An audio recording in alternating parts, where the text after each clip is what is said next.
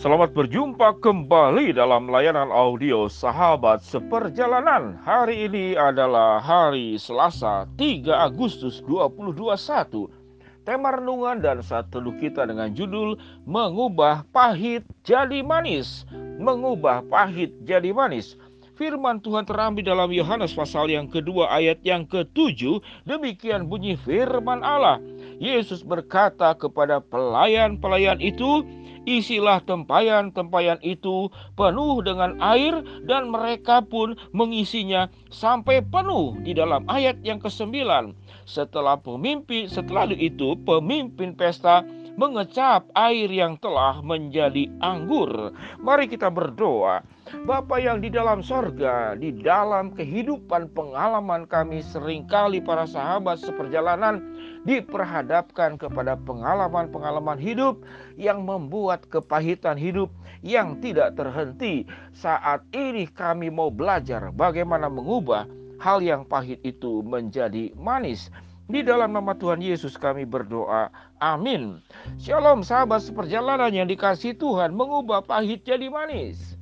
Kalau ditanyakan apa kepahitan hidup yang pernah dialami oleh para sahabat seperjalanan, maka saya percaya ada banyak ragam pengalaman hidup yang menyebabkan kepahitan ada yang karena kelahirannya tidak diharapkan, lalu anak terlahir. Ada yang diharapkan lahirnya anak laki-laki, keluar anak perempuan, lalu anak perempuannya diperlakukan seperti laki-laki, dipakaikan pakaian lelaki, dibelikan mainan-mainan lelaki, lalu rambutnya dipotong seperti lelaki. Apa jadinya? Dalam usia proses pertumbuhan anak yang sebenarnya wanita diperlakukan sebagai laki-laki akan terjadi kepahitan hidup. Ada seorang ibu yang tiga kali menikah kemudian berakhir dengan perceraian. Ini kepahitan hidup. Tidak hanya kemudian ibunya, anaknya juga. Mengapa saya punya papa sampai harus tiga yang tidak jelas. Kemudian punya saudara tiri dan seterusnya. Sahabat seperjalanan yang dikasih Tuhan, itulah kepahitan-kepahitan hidup. Ada yang berusaha sudah mengumpulkan uang sekian tahun untuk usaha mungkin tiga tahun sudah mengumpulkan uang, memulai bisnis belum satu bulan.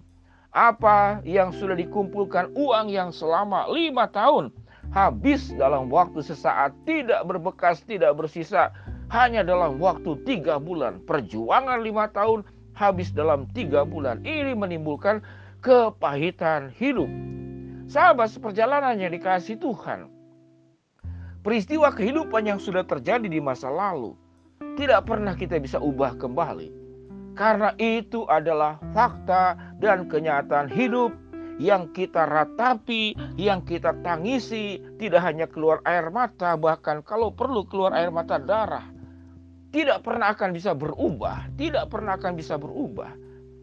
Dan Yesus berkata di dalam perjamuan kawin di Kana, bagaimana Yesus mengubah air menjadi anggur.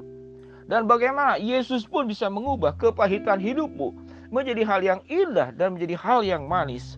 Langkah apa yang harus dilakukan untuk mengubah kepahitan itu menjadi hal yang manis?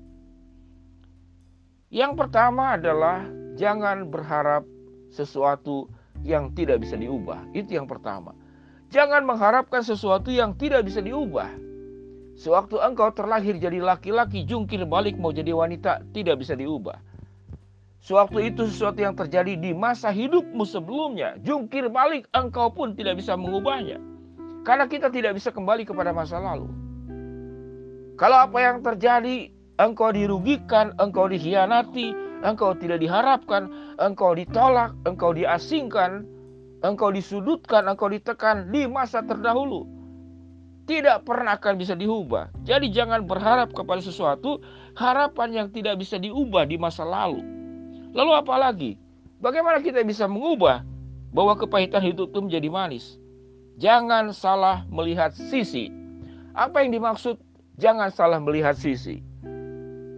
Sewaktu kita melihat peristiwa itu yang terjadi dari sisi negatif, maka semuanya menjadi negatif. Makanya ada pepatah mengatakan, dunia ini akan berwarna seperti apa? Tergantung engkau memakai kacamata warna apa. Sewaktu engkau memakai kacamata warna merah, semuanya menjadi merah. Sewaktu engkau memakai kacamata hijau, semuanya menjadi hijau. Ada komedian di tengah siang hari dia pakai kacamata hitam gelap lalu dia berkata, "Ini sudah malam hari, mengapa gelap gulita?" Temannya mengatakan, "Lepas dulu kacamatamu." Maka dilepaslah kacamatanya. Wow, ternyata terang benderang. Yang salah itu bukan keadaan, tapi cara memandang, cara melihat.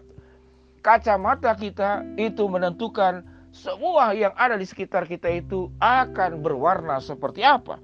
Sewaktu engkau memakai kacamata negatif, maka seluruh hidupmu negatif, masa lalu negatif, masa ini negatif, masa depan pun suram karena engkau memakai kacamata hitam. Sahabat seperjalanan, sehingga jangan salah melihat dari sisi yang salah, yang negatif. Bagaimana caranya? Tentu sebaliknya. Sewaktu engkau meratapi masa lalu, maka yang sekarang engkau harus fokus kepada masa depan. Dan engkau berjuang di masa sekarang. Engkau bisa mengubah masa depanmu dengan perjuanganmu masa kini. Bagaimana caranya? Menerima kenyataan bahwa sesuatu yang sudah terjadi itu tidak bisa diubah apa-apa. Terimalah kenyataan. Yang kedua, melihatlah dari sisi yang positif, bukan dari sisi yang negatif. Sewaktu engkau terikat oleh pengalaman, terikat oleh sisi negatif, engkau akan terbelenggu. Engkau akan diperbudak. Tetapi waktu waktu engkau melihat memandang Yesus yang mampu mengubah air menjadi anggur, yang mampu mengubah kepahitan itu menjadi hal yang indah dan manis, maka semua yang indah itu akan terjadi dalam kehidupan kita semua. Sahabat perjalanan yang dikasih Tuhan, Bagaimana mengubah pahit menjadi manis? Alkitab mengajarkan apa yang sudah terjadi di masa lalu tidak bisa diubah. Lihatlah, semuanya itu terimalah sebagai sebuah kenyataan hidup yang tidak bisa diubah. Lalu bagaimana lagi? Jangan berharap berlebihan. Jangan melihat dari sudut sisi negatif. Kacamatamu menentukan apa yang engkau lihat itu berwarna apa. Apa yang kau lihat itu apakah terang benderang atau gelap tergantung kacamata yang engkau pakai. Sewaktu engkau memandang kepada masalah, maka hitamlah segala sesuatunya. Tetapi sewaktu engkau memandang kepada Yesus, Yesus yang berkata kepada pelayan-pelayan itu, isilah tempayan-tempayan itu penuh dengan air dan mereka pun mengisinya sampai penuh. Di sini ada ketaatan sewaktu Tuhan memerintahkan. Isilah tempayan-tempayan itu penuh dengan air dan engkau melakukannya. Dan Yesus mampu mengubah air menjadi anggur dan Yesus mampu mengubah hal yang pahit menjadi manis. Langkah yang kita harus lakukan sahabat seperjalanan adalah taat. Dan firman Tuhan berkata pemimpin pesta itu mengecap air yang sudah menjadi anggur dan menyelesaikan masalah problem pernikahan di Kana sehingga semua orang bisa menikmati anggur yang terbaik yang dari Tuhan. Sahabat seperjalanan yang dikasih Tuhan, apa pengalaman pahitmu? Apa pengalaman masalahmu? Engkau dibelenggu oleh berbagai macam pengalaman pahit. Hari ini engkau bertekad dan berjanji. Engkau mau melepaskan dan menyerahkan hidupmu kepada Tuhan dan bukan menyerahkan hidupmu kepada belenggu kepahitan. Maka Tuhan akan ubah kehidupanmu menjadi indah. Kalau Tuhan bisa mengubah air menjadi anggur, Tuhan akan bisa mengubah kepahitanmu menjadi kemanisan di dalam hidup ini. Sahabat seperjalanan yang dikasihi Tuhan, mari kita berdoa. Bapak yang di dalam sorga ya Tuhan mau berdoa buat para sahabat seperjalanan yang mengalami kepahitan hidup karena kematian anggota keluarga, karena ekonomi, karena trauma masa lalu, karena cacat fisik, karena ditolak, karena dipermalukan, karena dihianati, karena ditinggalkan. Karena banyak aspek. Bila ya Tuhan, kami bisa menerima apa yang terjadi di masa lalu, itu tidak bisa diubah. Kami memandang kepada Tuhan yang mengubah air menjadi anggur dan mengubah kepahitan itu menjadi hal-hal yang manis. Berkati para sahabat seperjalanan yang sedang sakit Tuhan jamah sembuhkan, yang sedang punya masalah Tuhan bukakan jalan, yang sedang berharap berdoa mengharapkan sesuatu. Tuhan akan kabulkan di dalam kuasa dan kehendakmu. Di dalam nama Tuhan Yesus kami berdoa. Amin. Shalom sahabat seperjalanan yang dikasih Tuhan.